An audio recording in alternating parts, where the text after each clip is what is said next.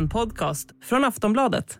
The internet is entering a new phase called, or dubbed rather, Web 3.0. It's all about NFTs and cryptocurrency, and now big businesses and celebrities are getting involved. Web3 is seen as the third generation of the internet, a decentralized online ecosystem based on the blockchain. En ny era. Ett nytt sätt att göra internet. Ja, det är stora ord. Är man teknikpositivt lagd så är det kanske lätt att drömma sig iväg när det kommer något nytt. Vi ska prata om webb 3 idag och det är en sån grej som kallas just det nya internet.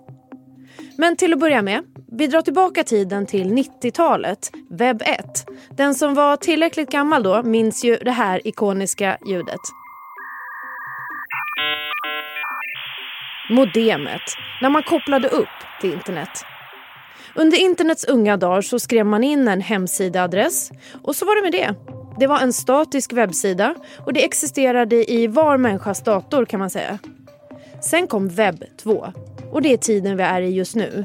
Ett mer dynamiskt internet där vi interagerar på olika plattformar. En centralisering med techföretag, enorma serverhallar och på ett sätt alla ägg i samma korg. Och vad är då webb 3? Ja, helt konkret är det inte ännu, så lite fantasi får man unna sig. Det vi vet är att det handlar om en ny fas av internet.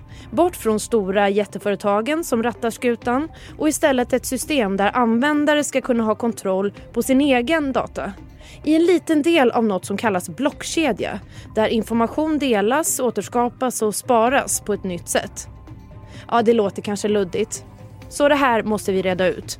Vad innebär webb 3 konkret och tekniken blockkedjor? Hur skulle det påverka dig och mig? Och hur kommer det sig att systemen väntas sluka ännu mer energi än det går åt redan idag? Och är tekniken här för att stanna? Du lyssnar på nyhetspodden Aftonbladet Daily. Jag heter Amanda Hemberg Lind. Vi ska prata med Simon Campanello som är gäst i dagens avsnitt. Han är reporter på tidningen Ny Teknik. Hur förklarar Simon webb 3? Om man ska titta på liksom internets utveckling så har vi ju, man börjar någon gång med webb 1, alltså där alla, det var väldigt decentraliserat, alla hade sin egen hemsida. Det var ganska svårt att göra något eget. Eh, någon gång efter millennie, kring millennieskiftet så gick vi över till webb 2, liksom det vi lever i idag med väldigt så mycket användargenererat innehåll. Vi har stora plattformar som Facebook och Google och Instagram där det är väldigt lätt att publicera sig på internet, eh, uttrycka sig, men eh, det är väldigt hög maktkoncentration kan man säga hos några få stora techbolag som både kör tjänsterna och själva som, ja, som Facebook och Instagram då, Eh, och som kör liksom den bakomliggande strukturen. Det är de som äger alla datacenter, alla servrar och alla kablar. Det är väldigt, väldigt maktkoncentration hos några få företag. Eh, webb 3 eh, ska väl i teorin samla det bästa av båda världarna, alltså att det kommer vara decentraliserat på ett sätt som webb 1, att alla har lite mer makt och inflytande, men enkelt att använda som webb 2. Eh, men vad, vad, det, vad webb 3 är för någonting, det, det, är, det är en väldigt bra fråga. Det är ju inte helt definierat, men man kan säga att det är ett internet som bygger på eh, blockkedjan, alltså tekniken bakom kryptovalutor som bitcoin. Ja, vi, vi ska nagla oss fast eh, vid flera av sakerna du säger och komma in på det här med hur det påverkar internetanvändare. Men vi tar då det här med blockkedjorna, alltså blockchain som du beskrev. Det är ju centralt här, och, och kryptovalutorna som du säger. Men vad är, vad är blockkedjetekniken och hur spelar det in då när vi pratar webb 3? Ja, men blockkedjan i sig det är ju ett sätt att eh, lagra och distribuera data eh, i, i, sin allra, det är väl den allra enklaste förklaringen.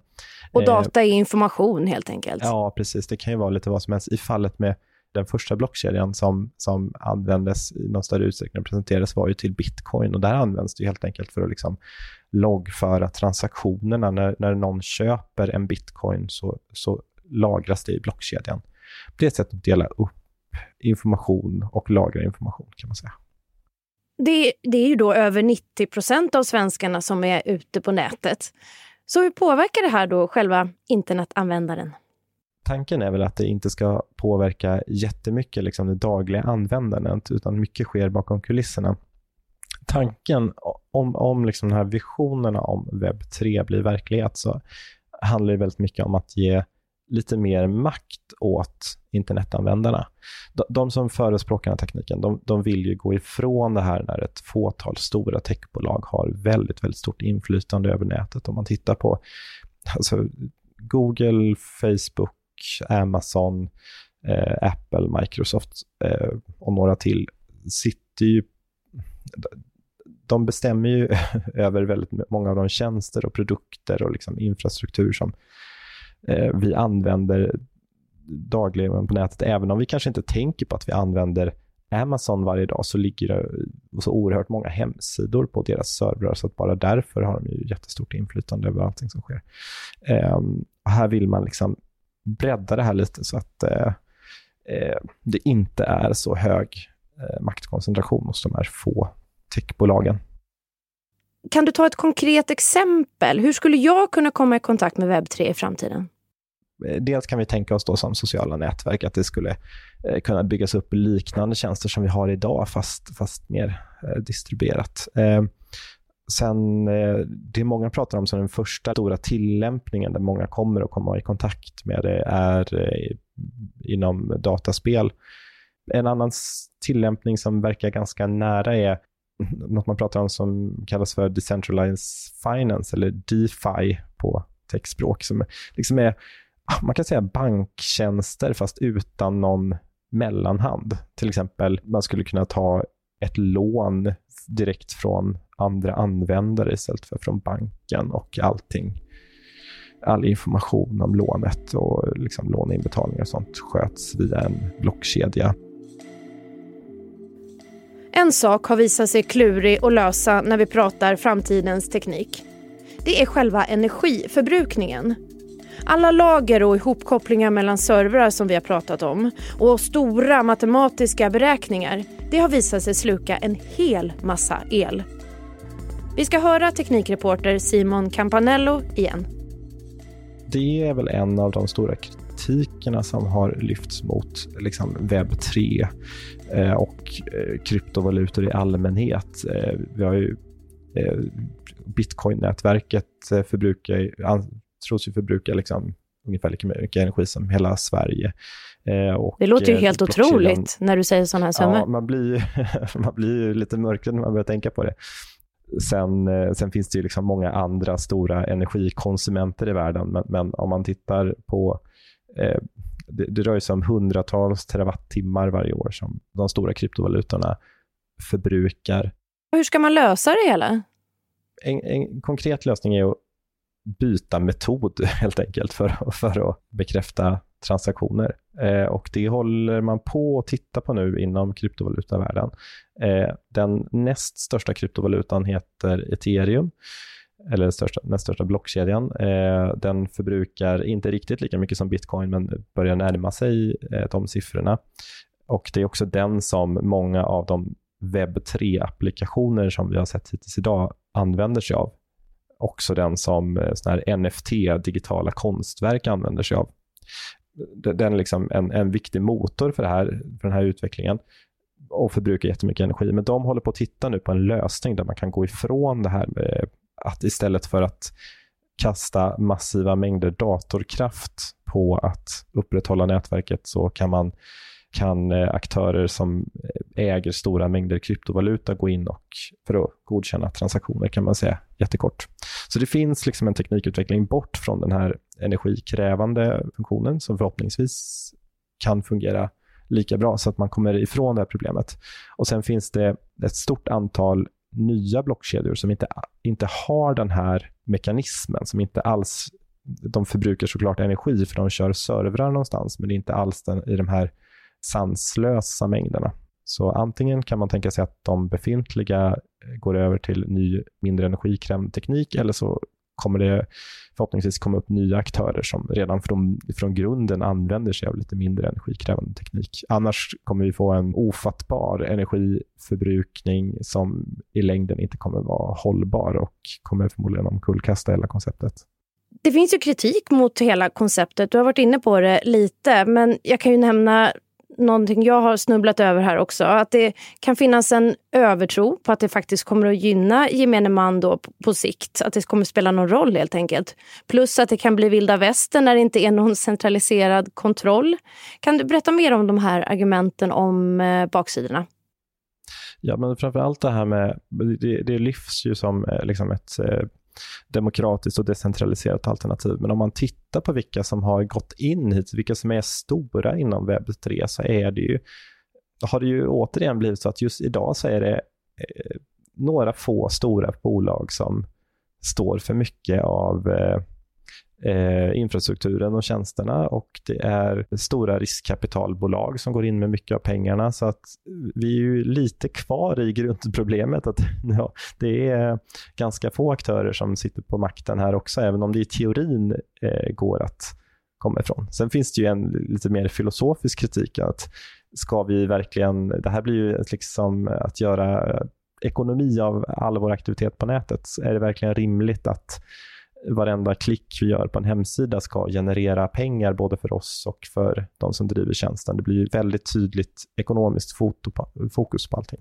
Men så är det här en snackis du, du personligen tror kommer bli något eller kommer det att stanna vid just bara snack?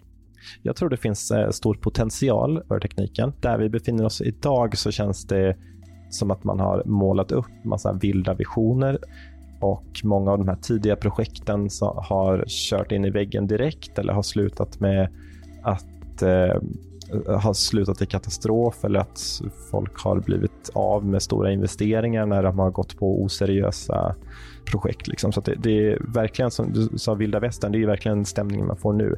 Det finns jätteduktiga, kunniga, smarta personer som jobbar på det här. Det finns också väldigt många som bara hoppar på en hype och försöker tjäna lite snabba pengar om vi kan komma förbi det till nästa steg där, där tekniken faktiskt kan eh, utvecklas och börja användas i stor eh, utsträckning och kan bli den här lite mer decentraliserade och demokratiska internet som man pratat om så känns det ju som att det finns enorm potential i det. Sist här hörde du Simon Campanello, reporter på tidningen Ny Teknik. Det har blivit dags att säga tack för idag.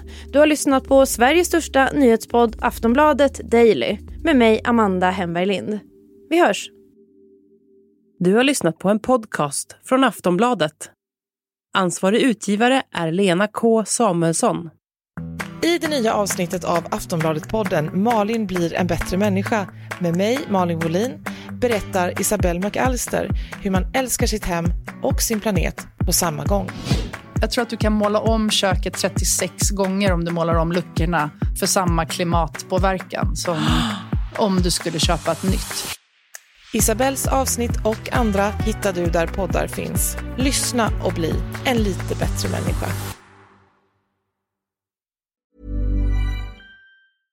Flexibility is great. That's why there's yoga. Flexibility for your insurance coverage is great too. That's why there's United Healthcare Insurance Plans.